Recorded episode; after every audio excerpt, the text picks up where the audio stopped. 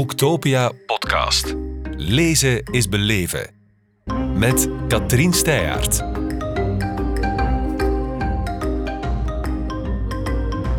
En met Jasper Verguts. Welkom. Welkom op Boektopia. Dankjewel, fijn om hier te zijn. Het is fijn om te horen. Het is hier inderdaad gezellig druk aan het worden. Dat is fijn om te zien. Ehm, we gaan het over ehm, een iets minder aangenaam onderwerp hebben. Eh, het boek heet Endometriose herkennen en behandelen. is uitgegeven bij Manteau. Ik denk dat ik bij het begin moet beginnen. 1 op 10 vrouwen lijdt ongeveer aan endometriose. En toch ga je dat nog even moeten uitleggen vanuit je expertise natuurlijk als gynaecoloog Ja. in Hasselt. Ja, inderdaad. Ik hoor mezelf, dat klopt? Ja. Oké. Ehm, endometriose is een, inderdaad een zeer veel voorkomende aandoening die, denk jarenlang onder de radar is gebleven. 1 op 10 vrouwen ongeveer lijdt eraan. Mhm. Natuurlijk, niet alle vrouwen hebben er ook klachten van. Ja, dat, dat had duidelijk zijn. Endometriose hebben kan in vele vormen voorkomen. Maar goed, wat is endometriose? Het is een aandoening die zich voornamelijk situeert in de buikholte. Het kan ook in andere organen gaan zitten, maar goed, voornamelijk in de buikholte, waar het buikvlies eh omswitcht, omturnt naar een weefsel wat lijkt op het slijmvlies van de baarmoeder zelf. Mhm. En dat gaat dus ook de cyclus meevolgen. Zoals de, het baarmoederslijmvlies de cyclus volgt, gaat het slijmvlies ook de cyclus meevolgen. Dat gaat mee bloeden, afschilferen. Het lichaam reageert erop met een ontstekingsreactie. En het is net die ontstekingsreactie die voor heel veel klachten kan zorgen. Soms ook gaat zorgen, maar kan zorgen. Ehm, pijn in de onderbuik, eh, vermoe- vermoeidheid. Ehm, ja, algemene ongemakken tijdens de menstruatie, de typische menstruatiepijn. Natuurlijk, en dat is heel belangrijk om te weten, niet alle menstruatiepijn wordt door endometriose veroorzaakt. Dat is maar een minderheid ervan. Laten we zeggen dat ongeveer een 80, 90% van de vrouwen wel eens menstruatielast heeft. Last om naar school te gaan, last om Hm. op te staan, te veel pijn, pijnstillers moeten slikken. Als we daarvan uitgaan dat 1 op 10 van de vrouwen ongeveer endometriose heeft, dan snapt u dat de, meest, de meerderheid van de vrouwen met, met pijnlijke menstruaties geen endometriose hebben natuurlijk. Nee, maar voor zij die het wel hebben en het misschien niet weten, is het zeer belangrijk, want eh, het staat ook op de cover. Het is een tikkende tijdbom. Dat klinkt vrij dramatisch. Het kan inderdaad zeer dramatisch zijn. Het is gelukkig niet altijd dramatisch, maar het kan dramatisch worden. Indien deze aandoening, die zoals ik zeg vrij veel voorkomt, niet op tijd herkend wordt, niet op tijd eh, gediagnosticeerd wordt, dan kan de ziekte langzaam verder evolueren naar een zeer ernstige aandoening, waarbij dan de ziekte bijvoorbeeld ook ingroeit in andere organen. Eh, de darmen is dan eigenlijk de voorkeursplaats, de blaas kan het ingroeien, het kan ingroeien eh, eventueel in de buikwand. En Met dan gaat het- alle gevolgen van dien. met alle gevolgen van dien. Dat kan problemen geven met stoelgang, problemen met plassen. Bij stoelgang problemen denken we dan vooral aan bijvoorbeeld eh, bloed bij de stoelgang, eh, pijn Mhm. eh, bij de stoelgang. Als de vrouw menstrueert, gaat dat, zoals ik zeg, dat weefsel gaat mee menstrueren, gaat mee bloeden en gaat op dat moment voor de klachten zorgen met stoelgang maken tijdens de menstruatie, bloed in de urine tijdens de menstruatie, Ja. rugpijn als het aan de zenuwen ingroeit. Het heeft inderdaad dat, ik, dat soort gevolgen, maar het kan zelfs nog verder gaan. Er stond niet zo heel lang geleden een uitgebreide reportage in de Standaard Weekblad, waar mensen het ook hadden over hele erge vruchtbaarheidsproblemen, ook het sociale leven. Want als je zoveel pijn hebt en je vindt de oorzaak niet, op den duur verliezen mensen hun begrip, maar jij kan wel niet gaan werken. Ik bedoel, de, de implicaties zijn wel groot. Hè? Ja, de impact kan enorm groot zijn. Sociaal, sociale deprivatie, gewoon door de enorme pijnklachten, Ja. is soms echt niet te onderschatten. Eh, ja, de vermoeidheid, zoals ik ook al zeg, sommige vrouwen zijn gewoon, ja, die, die kunnen hun bed niet meer uit. Het is zodanig invali- invaliderend dat het sociale leven eronder lijdt. Mhm. Ehm, Geeft dat als arts soms niet een machteloos gevoel? ja, absoluut. Absoluut. En dat is een van de grootste bekommernissen die wij ook hebben als arts. Van ja, goed, het is een aandoening. We hebben een aantal wapens om het te behandelen, om het een beetje in goede banen te leiden, om het zo te zeggen. Maar ja, echt hele goede behandeling bestaat hiervoor nog niet. En wat is er wel? Want we moeten een klein Ja. beetje hoopvol zijn als iemand aan het luisteren is, dat we niet het idee geven dat er Nee. helemaal niks aan te doen is. Er is een verschil tussen eh, behandelen en oplossen. Ja. Dat is een heel groot verschil. We kunnen het niet oplossen. Mhm. dat, dat, eh, dat, dat, is het, dat is ons dilemma vaak. We willen de dingen oplossen. We willen het in één keer...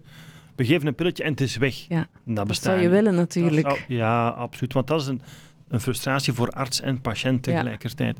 Maar goed, wat kunnen we doen? Ja, zoals ik zeg, het volgt de cyclus. Dus als we de cyclus stilleggen, gaat hopelijk de endometriose ook mee stilleggen. Dus we gaan eigenlijk, en dat is een van de eerste behandelingen die we kunnen gaan starten, een gewone pil geven, continu doornemen, dus geen bloedingen laten doorkomen en op die manier hopelijk ook de menstruatie helemaal stopzetten en dan hopen dat de endometriose in de buikholte daarmee ja, rustig van wordt, dat je ontsteking langzaam wegtrekt. Maar als het al heel ver gevorderd is, kan dat dan nog? Helpt dat dan nog? Dat, dat kan nog altijd helpen. Ja, Dat is er eigenlijk hoeven voor geen alle... operaties aan te pas te komen. Ja, dat kan natuurlijk ook. Dat is, dat, is, dat is een volgende stap in de mogelijke behandelingen. Maar dus deze behandeling met een pil kan eigenlijk voor alle stadia. Dus niet dat ik zeg van enkel als voor lichte gevallen geven een pil en voor ernstige gevallen moeten we opereren. Nee, een operatie is eigenlijk een beetje ons, la, ik zal niet zeggen ons laatste redmiddel, maar het is ook niet zaligmakend. We kunnen dus een operatie uitvoeren inderdaad om, om alle endometriose weg te nemen. Ja. En het is belangrijk dat je echt endometriose wegneemt. Je moet dat niet gewoon branden, niet gewoon een beetje ja, schroeien, om zo te zeggen, dat het nog blijft zitten. Nee, je moet het echt wegnemen, want het kan soms dieper zitten dan wij vermoeden. Dus echt het wegnemen is heel belangrijk. En dan, ja, soms worden stukjes organen weggenomen, een stukje van de blaas, een stukje van de darm. Mhm. Ehm, en zoals we zeiden, de vruchtbaarheid kan ook aangetast worden.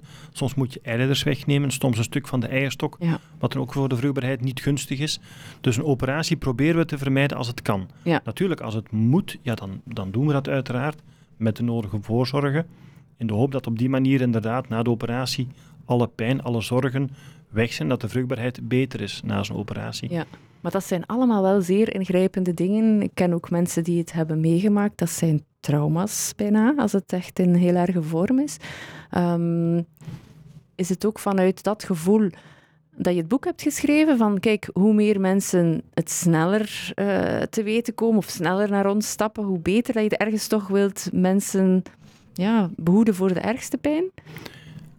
Eh, iemand hiervoor behoeden lukt momenteel nog niet. We kunnen nog niet voorkomen de ziekte. Dat is, dat is natuurlijk een eerste, een eerste probleempje bij deze ziekte. Maar inderdaad, het boek is vooral, voornamelijk bedoeld om mensen die het hebben en om mensen die iemand kennen met de aandoening meer in handen te geven om het zelf aan te pakken. Om te weten van wat scheelt er met mij, wat heb ik juist, Mhm. wat zijn de mogelijke stappen, wat kan ik een beetje verwachten.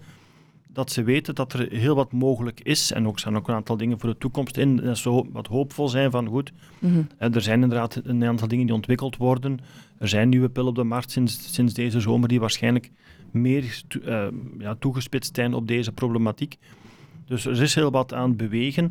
Maar de bedoeling is eigenlijk inderdaad om, om, om vrouwen te ondersteunen in eerste instantie met hopelijk eh, ja, vrij degelijk wetenschappelijke achtergrond. Dat ze weten van oké, dit kan ik wel vertrouwen en, en hier kan ik iets mee gaan Ja. doen. Hier kan ik mezelf mee helpen. Ik kan mijn vriendin beter begrijpen. Ik kan mijn moeder beter snappen, mijn dochter Ja. die het heeft. Om te weten van, ja, hoe kunnen we deze, de- deze vrouw helpen? Hoe kan ik hier ze bijstaan? Ja, begrip eigenlijk. Mhm. Ja, en is het kennis. ergens ook taboe doorbrekend? Want ja, ik zei het, er is wel eens een artikel over, je hoort het wel eens, maar echt op de radar staat het toch precies nog niet heel erg. Terwijl dit is een mooi uitgegeven boek, je ziet het liggen.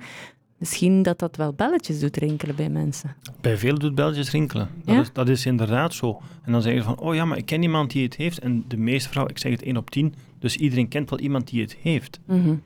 Ehm, maar ja, hoe, hoe meer aandacht, denk ik, hoe beter voor deze aandoening die ja, zeker jonge vrouwen treft in, het, in, het, in, hun, in hun meest eh, actieve periode van het leven. Mhm.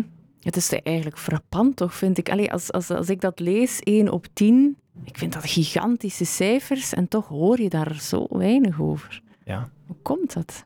een hele goede vraag. Ik heb, wij proberen wel eens met een campagne om meer awareness te creëren. Ja? Maar ook dat ehm, vindt soms moeilijk eh, doorgang. Maar ja, goed.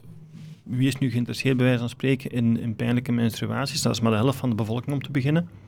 En niet iedereen heeft Dat er is al... toch de helft? En Ja, ja. menstruatie is toch iets zeer ingrijpend ook? Elke maand. eh, je komt er niet onderuit hè, als vrouw. Nee, dat is Als het waar. dan ook nog eens pijnlijk is. Ja, dat ja, klopt. dat is verbazend voor mij als vrouw om te merken dat daar zo weinig over geweten is. Dat was voor mij ook verbazend om te merken dat er zo weinig over gekend was. Ja. En dat zo weinig... Als, als ik aan vrouwen zeg, u heeft in de metro, zeggen ze, wat is dat? Mm. Ze hebben er nooit van gehoord. En als ze weten wat ze hebben, en ze zeggen die man, ah, maar ik heb in de metro, zeggen ze, ah, maar ik heb dat ook. En dan in één keer, In één keer valt dan in één puzzel. keer, dan valt Ja. de puzzel in elkaar, zeggen ze, ja, maar ik heb dat ook en jij kent dat. En dan, Ja goed, er zijn heel veel zelfhulpgroepen uiteraard ook. Er zijn een aantal Ja. patiëntenverenigingen in België die daar hopelijk allee, ook proberen inderdaad om aan die weg mee te timmeren, om dat, om dat breder gedragen te maken. Maar, zoals ik zeg, het zijn vaak al vrouwen die de, die de diagnose al krijgen, Mhm. die er pas iets mee gaan doen. Ja, dus Gewone terwijl pijn- je eigenlijk nog een stap voor moet zijn. En, voilà, en dat is, de, en dat is het probleem natuurlijk. Mhm. Het gaat niet over de vrouw die de diagnose hebben, het gaat over vrouwen die de diagnose nog niet hebben. Ja. Daar zit nog heel veel verborgen leed. Mhm. Vrouwen die een diagnose hebben, zitten vaak op een traject, worden vaak al wat begeleid, ondersteund door de huisarts, de gynaecoloog. En die zijn dan vaak al goed op weg om inderdaad een leven te kunnen leiden met minder pijnlijke menstruaties, met een betere vruchtbaarheid. Maar vrouwen die de diagnose nog niet hebben, ja, die, die weten vaak niet waar ze heen ze moeten gaan. Stuiten inderdaad op veel onbegrip. Eh, de werkgever die het niet snapt dat ze zoveel thuis zijn tijdens de menstruaties. Ja, er is nu die discussie over eh, het menstruatieverlof, maar daar ben je dan niet per se voorstander van en, en je bent niet de enige. Nee, inderdaad. Het menstruatieverlof gaat dit soort de zaken soms onder de mat vegen een beetje. Van, ah god, u heeft pijn, blijf maar thuis. Oh, het Nee. hoort erbij ook zo. ja, Dat. terwijl de reflex moet zijn, u heeft pijn, laat eventjes nakijken, wat scheelt er? Ja. Het kan zijn dat het allemaal inderdaad dat het geen endometriose is. Het kan zijn dat het inderdaad gewoon de baarmoeder is die een beetje te veel samentrekt. Gewoon een, een pijn van de baarmoeder, van die Mhm. kramp van die spier. Dat kan natuurlijk. Maar dan weet je wat, het, wat er is. En gratuit het menstruatieverlof voor gaan schrijven en die vrouwen thuis laten zonder een deftige diagnose. dat is eigenlijk zijn plan laten. Hè? Ja, en, dat, en zoals ik zeg, die tikkende tijdbom die zit er nog altijd. Dus die ziekte kan nog altijd verder evolueren en kan dus nog altijd in, in die periode zich ontwikkelen tot een aandoening die wel ernstiger gaat zijn en niet enkel voor pijnlijke menstruaties zorgt, maar bijvoorbeeld misschien ook voor onvruchtbaarheid.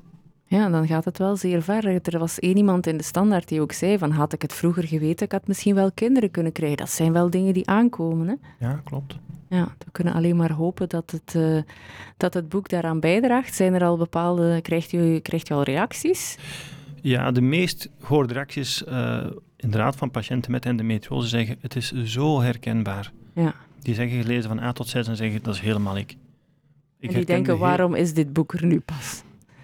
Ja, dat heb ik nog niet gehoord. Waarom nu pas? Ehm, ja, we, we, we doen, ja, we werken dag voor dag verder. En maar dit kwam op mijn pad. En ik denk, ja goed, dit is inderdaad een onderwerp wat inderdaad hoe rap meer eh, aandacht moet krijgen om ja, leed te voorkomen. Ja, natuurlijk. Ja. Zoals, zoals je zegt, de halve bevolking voelt het niet, maar voor de andere helft is het natuurlijk een heel pijnlijk verhaal. Ja, nogthans, de, de andere helft van de bevolking heeft er uiteindelijk indirect ook mee te maken. Het begrip moet ook van die kant komen. Men moet weten wat, wat dit is. Mhm. Dat men kan zeggen, oké, goed, je ziet het niet. Het zit in de, het zit in de buik. Het is, de, moeite, de moeilijkheid natuurlijk. Dat is de moeilijkheid. Net zoals hoofdpijn, dat zijn dingen die je aan de buitenkant van die persoon niet ziet, Ja. maar die wel heel veel leed met zich meedragen. En ik hoop dat dit ook voor de, ander, voor de partner van een, of, of de familie of, of vrienden van een patiënt met endometriose kan bijdragen tot meer begrip voor de aandoening zelf. Dat ze zeggen van oké, goed, Ja. eh, dit is inderdaad iets vrij ernstigs en ja, neem, neem je tijd, zorg dat je behandeld wordt. Je moet een operatie ondergaan, prima. Neem, ja, neem maar, laat het ondergaan en, en Mhm. neem de nodige rust na de operatie. Dat dat begrip er komt. Ooit gedacht dat je als dokter zo'n boek zou schrijven? Nee. nee En is het fijn? Eh, Staat er als schrijver op eh, visitekaartje? Eh, Nee, nee, dat is, ja, nee. Dus dit hoort voor, voor mij voor een heel groot stuk bij mijn taak als arts. Ja. Het informeren van mensen. En dat begint natuurlijk met patiënten, maar dat gaat ook naar, naar een breder publiek. Spread the word, zullen we maar zeggen. Dank voor de komst, Jasper Verguts. Graag gedaan. Boektopia podcast. Lezen is beleven. Beluister ook de andere podcasts live opgenomen op Boektopia 2022. Nu via je favoriete podcast-app.